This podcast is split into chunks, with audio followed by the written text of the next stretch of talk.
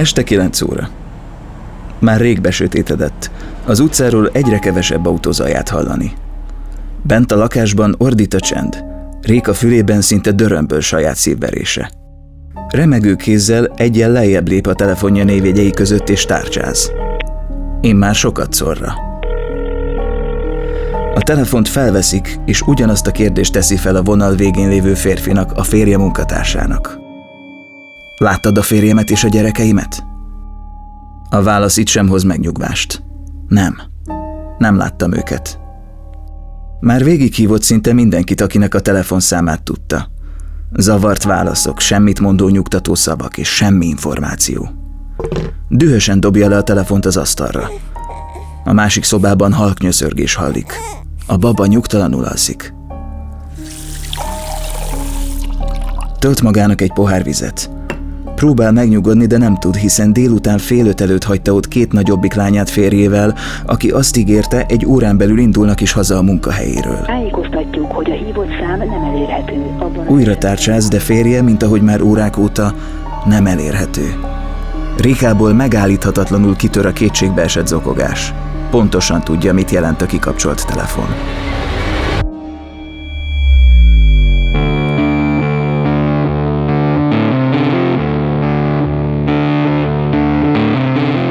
Lovas Rozi vagyok. Ez az Egyszer Lent. Egy podcast azokról, akiknek hatalmas pofont adott az élet. Mostantól Réti Barnabással olyan emberek történetét meséljük el, akik megjárták a gödör mélyét, de sokkal erősebben másztak ki belőle. Ha azt gondolod, mindennek vége, jussanak eszedbe ezek a történetek. Mindig lehet jobb, ha te is akarod. Ez a Beaton podcastje.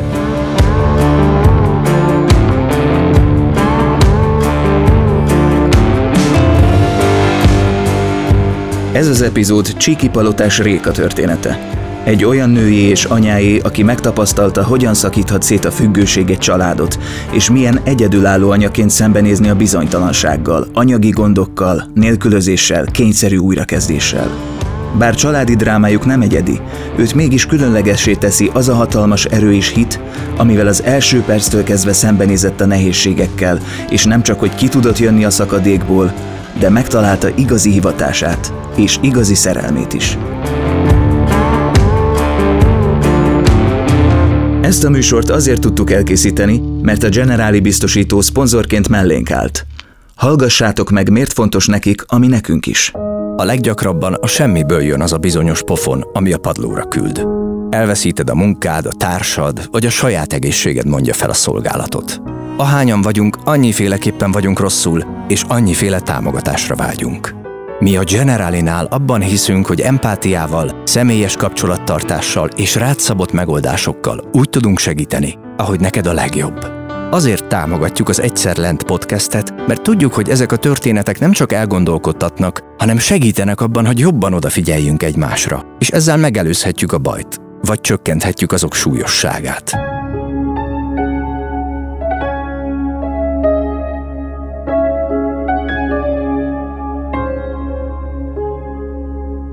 Mindig van egy pillanat. Van, hogy sok-sok évnyi tétovázás, gondolkodás, szenvedés előzi meg. Lehet, hogy sok-sok kis pillanat. De mindig van egy, amire még évek múltán is emlékezünk a nagy döntéseink kapcsán. Csíki Palotás Réka életében ez egy hétköznap délután érkezett el. Az egész napos rohanás, a bölcsöde, óvoda, iskola tengely kétszer másfél órás kálváriája, a fárasztó munkanap után hazaérve férjét a nappaliban találta, öntudatlan állapotban. Mellette a földön egy zacskó. Meg sem kellett néznie jobban, hogy tudja, drog van benne. Kisfiúk, aki alig múlt két éves, nem messze apjától, a padlón játszott. Óvodás és kisiskolás kislányuk is a szobában volt. Mi lett volna, ha valamelyik gyerek megtalálja a kábítószert és megeszi, mielőtt ő hazaér? Réka agyába szinte villámcsapásként hasított az írtózatos gondolat.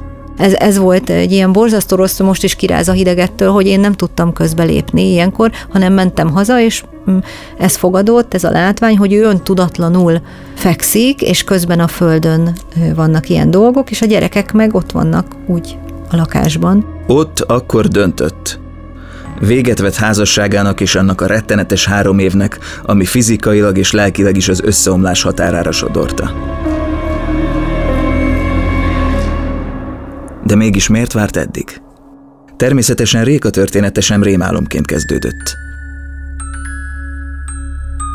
Amikor gyermekei apjával összeházasodott, még minden tökéletesnek tűnt. A férfi egy talpra állt, vagyis ahogy mondják, folyamatos fejlődésben lévő szenvedélybeteg volt, aki már hosszú ideje józan életet élt. Hát nőként én a szívemre hallgatok leginkább, és, és igen, szerelmes voltam, és jól éreztem magam abban a kapcsolatban, nyilván nem mentem volna hozzá a, az első férjemhez, hogyha nem éreztem volna így. Úgy gondolom, hogy tökéletesen jól passzoltunk egymáshoz, és, és kiegészítettük egymást, és az akkori énemet ő fejlesztette, meg szerintem én is az övét. Évekig tartó, kiegyensúlyozott, boldog élet következett. Sorban születtek a gyerekek, a két kislány és végül egy kisfiú. Réka úgy érezte, megkapott mindent, amire vágyott. Nagy családot, nyüzsgést, jó hangulatú otthont.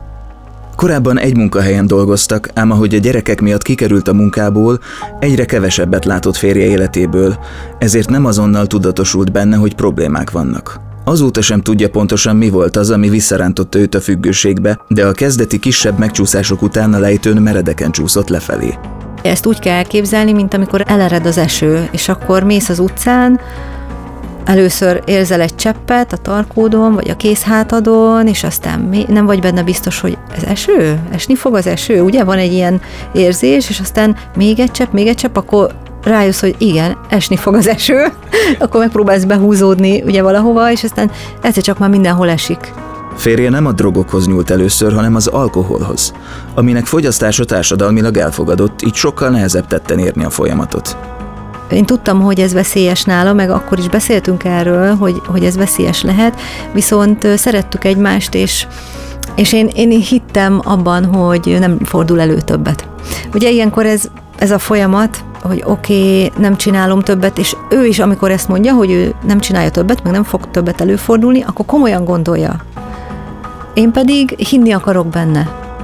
És, és akkor így szépen bele, bele csúszott, egyre gyakrabban fordult elő az, hogy ivott, aztán el is tűnt. Átlagos péntek este van. A gyerekek már ágyban. Réka olvas, de képtelen a történetre koncentrálni. Ott az az ismerős, kényelmetlen érzés a zsigereiben, hogy valami történni fog. Férjére gondol, aki csak egy pohár sörre ugrott be a munkahelye melletti kocsmába, és sokat szóra is megígérte, hogy nem iszik túl sokat. Az idő múlása nem erre utal. Ahogy megcsörren a telefon, Réka összerándul. Érzi, hogy baj van. A vonal másik végén kásás, alig érthető hang. Neki mentem egy oszlopnak. Összetörtem a kocsit. Ezután összefüggéstelen mondatok jönnek. A kérdések hiába valók, így Réka leteszi a telefont. Dühös, elkeseredett és tehetetlennek érzi magát. Három gyermekkel én nagyon vívódtam, tehát ezek évek, és évekig vívódtam abban, hogy vajon meg tudom-e menteni ezt a kapcsolatot, és egy idő után már az a kérdés is felmerült, hogy meg akarom-e menteni.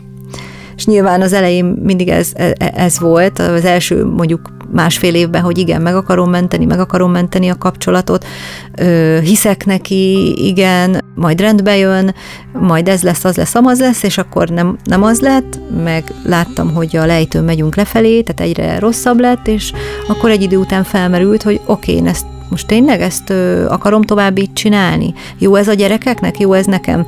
Mert a, a, inkább az eleje felé azt gondoltam, hogy a gyerekeknek az a jó, hogyha mi együtt maradunk, nyilván az apuka, anyuka együtt marad, de van, van az a szint, amikor már nem az a jó, hanem sokkal jobb a gyerekeknek is, hogyha külön megyünk.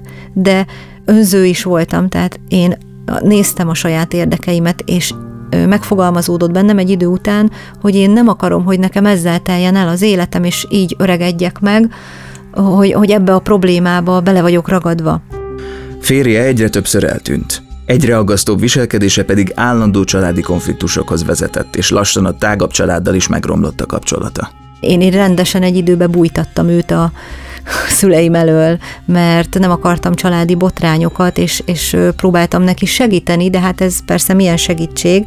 Tehát utólag azt mondom, hogy az lett volna az igazán jó segítség, ha az asztalra csapok.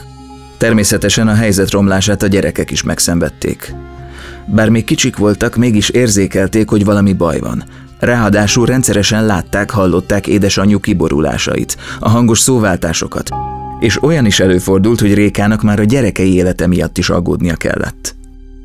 Az egyik ilyen alkalommal férjénél hagyta két lányát, aki azt ígérte, egy órán belül indulnak haza a munkahelyéről, ezért ő hazament a kisbabával. Keltett nagyjából az az idő, nem jött haza.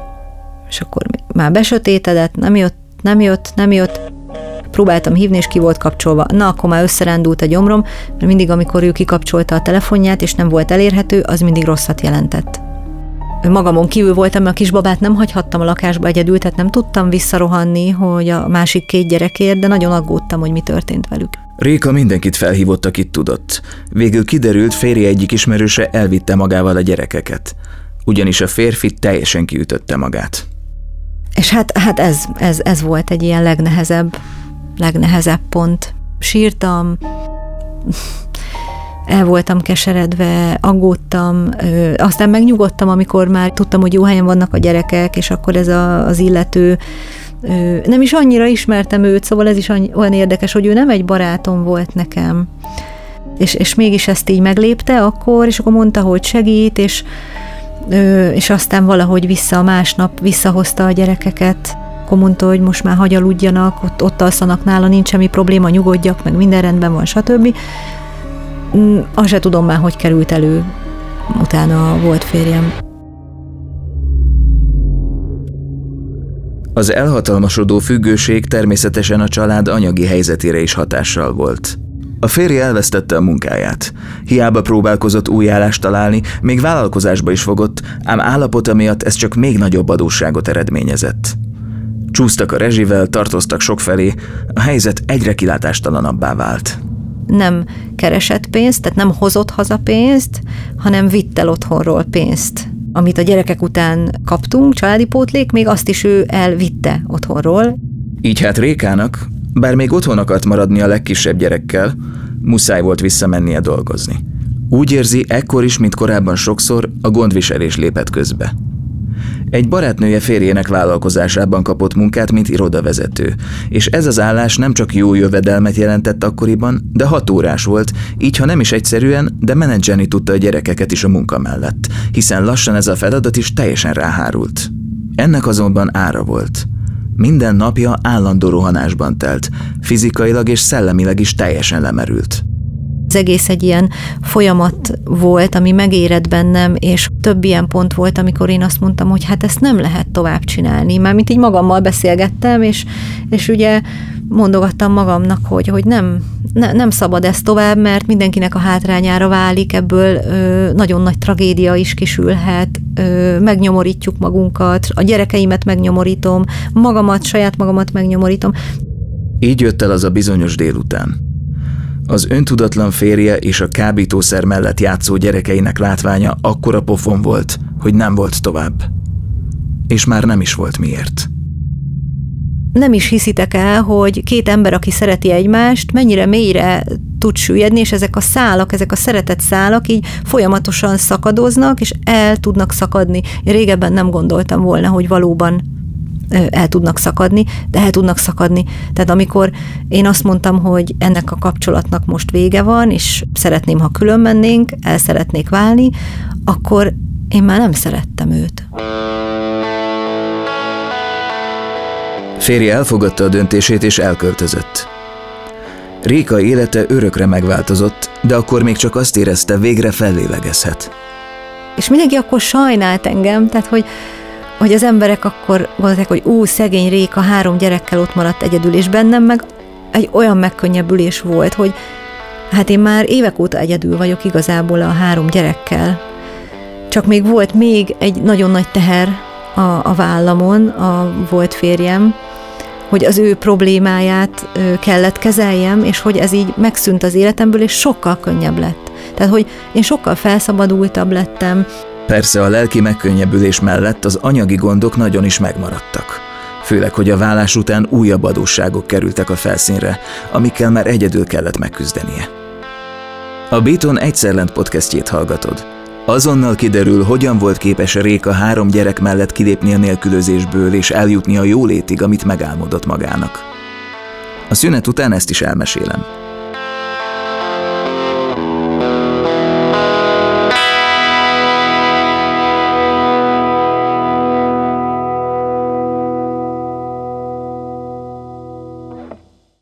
Mielőtt folytatódik ez az epizód, hallgassd meg a Beaton podcast ajánlóját.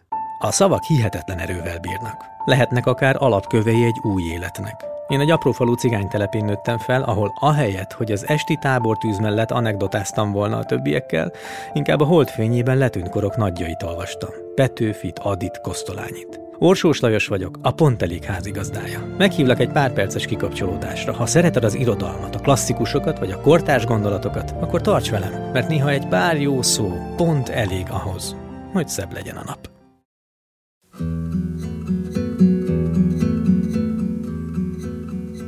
Folytatódik a Beaton egyszer lent podcastje.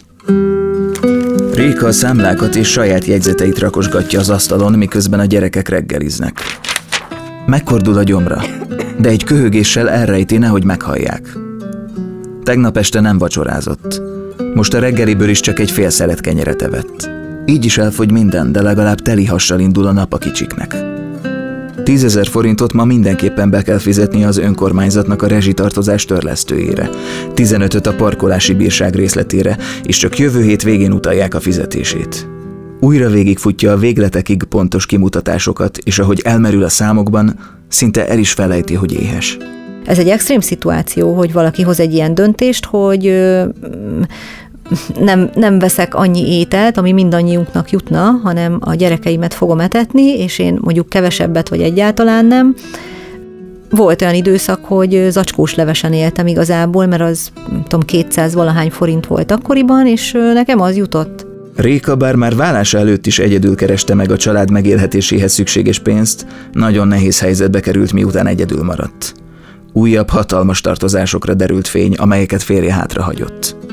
Például autós tartozás, az én nevemben volt szerencsétlenségemre az autó, ami ugye össze is lett törve, parkolási büntetések voltak rá, ő használta az autót, én nem is vezettem fiatal korom óta, tehát csak valamiért az én nevemre került ez az autó, mindegy, a lényeg ebből az, hogy ugye én kaptam meg ezeket a számlákat, ez sok százezer forint volt, és ezt nem tudtam nyilván egy összegbe, de még három összegbe sem mondjuk kifizetni, hanem egy ilyen havi részletfizetéses lehetőséget kell igényelnem. A létbizonytalanság nyomasztó terhe nehezedett rá, hiszen fogalma sem volt, hogyan fog egyedül boldogulni. Ilyen gondok mellett hogyan fogja egyik napról a másikra ellátni a gyerekeket, hiszen az nem volt kérdés, hogy ők a helyzet ellenére mindent megkapjanak. Nagyon sokat sírtam, és tényleg egy fajta lelki mélypontra kerültem, de az valahogy mindig az volt a fejemben, hogy én ebből ki fogok jönni, és megkeresem az utakat hozzá. Első körben például megtapasztalta, ha baj van, akkor igenis akad segítség. Rengetegen mellette álltak, nem csak a család, de akár távolabbi barátok, ismerősök is. Segítettek az óvodában, a bölcsödében, és amikor hozzájuk fordult, hivatalos helyekről is kapott támogatást. Bementem az önkormányzathoz például, és kiteregettem ott a lapjaimat, hogy ez van, és tudnak-e valamiben nekem segíteni, hogy én szeretném visszagöngyelíteni a tartozásokat, ö, számíthatok-e bármilyen segítségre, és kaptam segítséget. Viszont abban biztos volt, hogy ez csak átmeneti megoldás. Nem akart beleragadni az önsajnálatba, és mindent mások segítségével megoldani. Érezte, csak akkor tudja valójában hátrahagyni korábbi életét, ha a saját lábára áll, és mindent megold önerőből. Én tudtam, hogy ez nem marad így, és tudtam, hogy ebből ki fogok jönni, sokkal erősebben, azt is tudtam, hogy jó, jó módúan fogok élni, mint ahogy most ez meg is valósult, és, és hogy ezt honnan tudtam, kitűztem, és, és mentem e felé minden akadályokon át, tüzön, vizen át. Ez rengeteg, amit, amire egy ember képes, sokkal erősebbek vagyunk, mint azt hinnénk. Ám ahhoz, hogy ezt az erőt mozgósítani tudja, muszáj volt saját magát rendbe tennie lelkileg. Azt mondja, lehet, hogy mások önzőnek gondolják, hogy egy ilyen krízis helyzetben önmagával kezdett foglalkozni, de az idő őt igazolta, hiszen az önfejlesztés volt a kulcsa tovább lépéshez. Emlékeztem, hogy amikor terhes voltam az első gyermekemmel, akkor elmentem jogázni, terhesen, és hogy mennyire jó volt, hogy ott milyen jó élményeim voltak, és akkor elmentem újra jogázni, kitaláltam magamnak, hogy én hogyan ö, szervezem ezt meg, hogy ö, hogyan teremtek rá időt, Segítettek a családtagok azzal, hogy vigyáztak a gyerekekre. Az anyagiakat pedig megteremtette szűkös költségvetéséből is, hiszen a legnagyobb szükség idején is odafigyelt arra, hogy ha minimális összeget is, de félretegyen. Ez az összeg most igazi befektetés lett, igaz hit is kellett ahhoz, hogy tudja, nem szórja el feleslegesen. Szerintem nem gondoltak rólam rosszat az emberek, emiatt, hogy, hogy, hogy ebben a helyzetben én mondjuk így erre szánok időt, de ha gondoltak volna is, akkor őszintén mondom, hogy nem érdekelt volna, mert, mert én éreztem, hogy ez mennyire jó út, és hogy ezzel nem csak magamon segítek, hanem, hanem a szűk környezetemnek is segítek, mert az a szemlélet, amit ott tanultam, és egyre inkább bedolgoztam magamba, és a sajátommá tudott válni, az, az utána to- továbbiakban nagyon meredek fejlődést okozott. A jóga órákból jóga tanfolyam lett, majd további tanfolyamok következtek.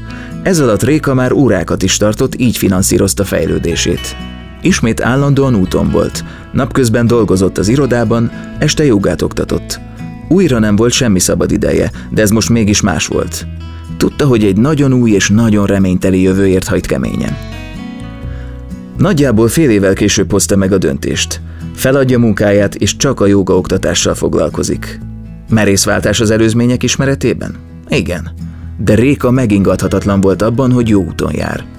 Visszataláltam a korábbi érdeklődéseimhez. Engem az emberi testnek a működése mindig nagyon érdekelt, a biológiát imádtam, emellett a magyar irodalmat is imádtam, és akkor valahogy, amikor választani kellett a középiskolában, akkor, akkor a magyaros irányba mentem tovább, ugye elágazott ott, ott az így az utam, és így a jóga kapcsán meg visszakanyarodtam az emberi lényhez, mert nem csak fizikai testből állunk, tehát ez a, én hiszek a hármasságban, a test, szellem és lélek hármasságában, és így az emberi lényt akartam magamat is megé- beleértve megérteni, meggyógyítani. A gerinc joga, hatha joga, flow joga, fasciális jogaterápia után a manuális terápiák majd a természetgyógyászat felé fordult. Ahogy újabb és újabb ajtók nyíltak meg előtte, ezek nem csak anyagi és szakmai sikerekhez, de végül az igaz szerelemhez is elvezették. És elmentem egy ilyen beszélgetésre, ahol az integrált manuális terápiáról volt szó, hogy bemutatták ezt a, ez egy két éves képzés volt, és ott találkoztam a jelenlegi férjemmel, első látásra a szerelem volt, úgyhogy ott a villám belém csapott, és azonnal láttam, hogy ő belé is, tehát annyira így érezhető volt az, hogy tényleg, mint a filmekben. I- igen, igen, igen, így volt, és aztán ebből nagyon hamar kialakult a, a kapcsolat, mert ő is hasonló korú, mint én, és egyikünk se akarta ezt sokáig húzni, mert annyira egyértelmű volt a mi közös utunk, hogy akkor ebbe hamar belevágtunk. A kapcsolatból azóta házasság és egy csodálatos mozaik család lett. Budapestről Sukoróra költöztek egy erdőszéli házba. Réka gyermekei velük élnek, de gyakori vendég náluk új férje előző házasságából származó nagylánya is. Kimeri mondani, hogy végre révbe ért és boldog, de továbbra sem másoktól várja a csodát, hanem önmagától.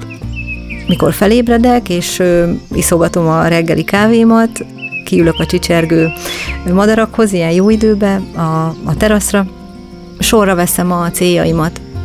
Minden nap ugyanazokat a célokat, és van, amelyiken egy picit jobban elmerengek, vagy így elábrándozom, hogy igen, ezt szeretném, azt szeretném, és ez lehet, hogy 10 perc, lehet, hogy 15, ennél azért általában nem szokott több lenni, de ebben az időben én, én úgy felkészítem magam a, a következő napra, és tudom azt, hogy miért indítom a napomat, és ad egy lendületet a, az egész napnak. És ez, ez a fajta fókusz szerintem a legtöbb embernél nincs meg, hanem így sodródnak, mint a falevelek a szélben. Visszagondolva már úgy érzi, első házassága és az akkori tapasztalatai hozzájárultak ahhoz, hogy eljusson ehhez a boldog, harmonikus élethez és önmagához. Sem harag, sem keserűség nincs már benne volt férje és a történtek kapcsán. azt is gondolom, hogy én felelős és hibás vagyok, nem mindenben természetesen, mert, mert amit nem én csináltam, abban én nem vagyok hibás, de abban igen, hogy sokáig hagytam. Tehát hosszú volt ez az idő, ameddig hagytam elfajulni a dolgokat, és azt gondolom, hogy ott, hogyha korábban lépek, akkor kevesebb tüskével, vagy kevesebb sebbel, inkább úgy mondom, tudunk ebből kilépni mind a ketten. Azt gondolom, hogy ennek mindenképpen ez lett volna a vége. A kimenetele csak kérdés, hogy ugye mennyi fájdalommal, ami, amit ugye mi szenvedtünk el, meg a gyerekek is ennek elszenvedői voltak. Főleg különben őket, őket ö, sajnálom ebben a szituációban, mert ők a legnagyobb vesztesei ennek. Remélem, hogy majd a későbbi életükben azért ö, nekik is tud, tud valami pozitívumot is hozni, úgy, ahogy nekem, mm, ahogy megfogalmaztam, hogy, hogy engem ő, vagy ez a szituáció is juttatott el oda, odáig, ahol most vagyok, meg hogy a, ezzel a tudatossággal élem most az életem, legalábbis igyekszem, és tényleg minden tőlem tehetőt megteszek, hogy ö, tudatosan tervezzek, és, és, és hogy fejlődjek, és hogy magam körül másokat is fejleszek. Tehát ez nekem nagyon fontos, hogy nem akarom az egész világot megmenteni, hanem a, a, ameddig elér a kezem, úgymond, tehát a szűk környezetembe, hogy az embereket én is fejleszem, segítsem, és előre vigyem. Réka természetgyógyász képesítést is szerzett, és létrehozta saját terápiás műhelyét, a Réka műhelyt ahol egy komplex, holisztikus terápiával segít inzulinrezisztenciában szenvedő nőknek a testi, lelki, szellemi egyensúly megteremtésében. Saját tapasztalatait is átadja a hozzáfordulóknak.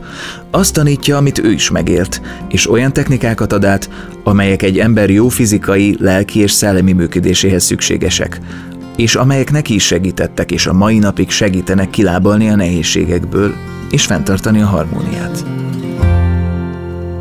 az visz engem is előre, hogyha másokat is előre tudok vinni, ilyen fejlődés felé mutatva az utat. De vannak nehézségek, most a tinédzser gyerekeimmel persze, hogy vannak nehézségek, és lesznek is nehézségek, és én úgy gondolok az életemre, hogy biztosan ez egy, ez egy ilyen hegyes völgyes, tehát egy hullámzó valami, csak hogy ez a hullám maga, ez így felfele menjen, és egyre jobb legyen mindenkinek, nekem is, meg a körülöttem lévőknek is.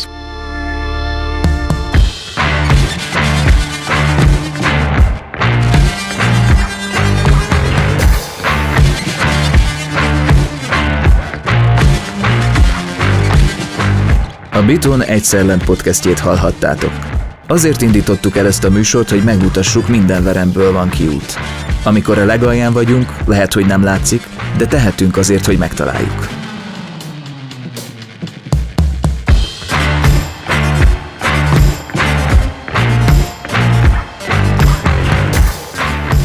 Ha tetszett ez az epizód, értékeld a lejátszóban 5 csillaggal. Iratkozz fel a csatornánkra, hogy ne maradj le a következő részekről. A beaton.hu oldalon megtalálod az összes többi műsorunkat is. Ott fel tudsz iratkozni a hírlevelünkre, amiben hetente ajánlunk podcasteket a világ minden tájáról. Az epizód szerkesztője és a szövegíró Bodnár Hajni, a showrunner Orsós Lajos, a zenei és utómunka szerkesztő Szűcs Dániel, a kreatív producer Román Balázs, a producer pedig Hampuk Rihárd volt. Réti Barnabást hallottátok. Ha úgy érzed te vagy valaki a környezetedben krízis helyzetben van, hívd a 116-123-as ingyenes lelki elsősegélyszámot. Beaton. Vidd magaddal ezt a történetet. Ha van lehetőséget, kerüld el a bajt. Ha pedig már benne vagy, ne feledd, minden gödörből van kiút. Generali. Érted vagyunk.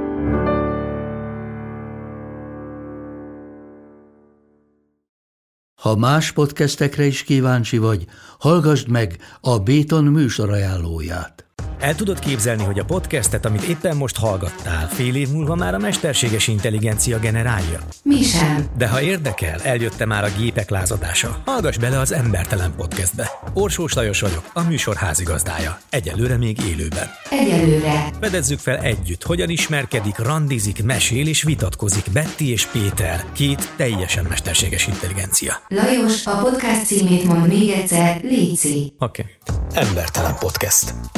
Ez egy Béton podcast.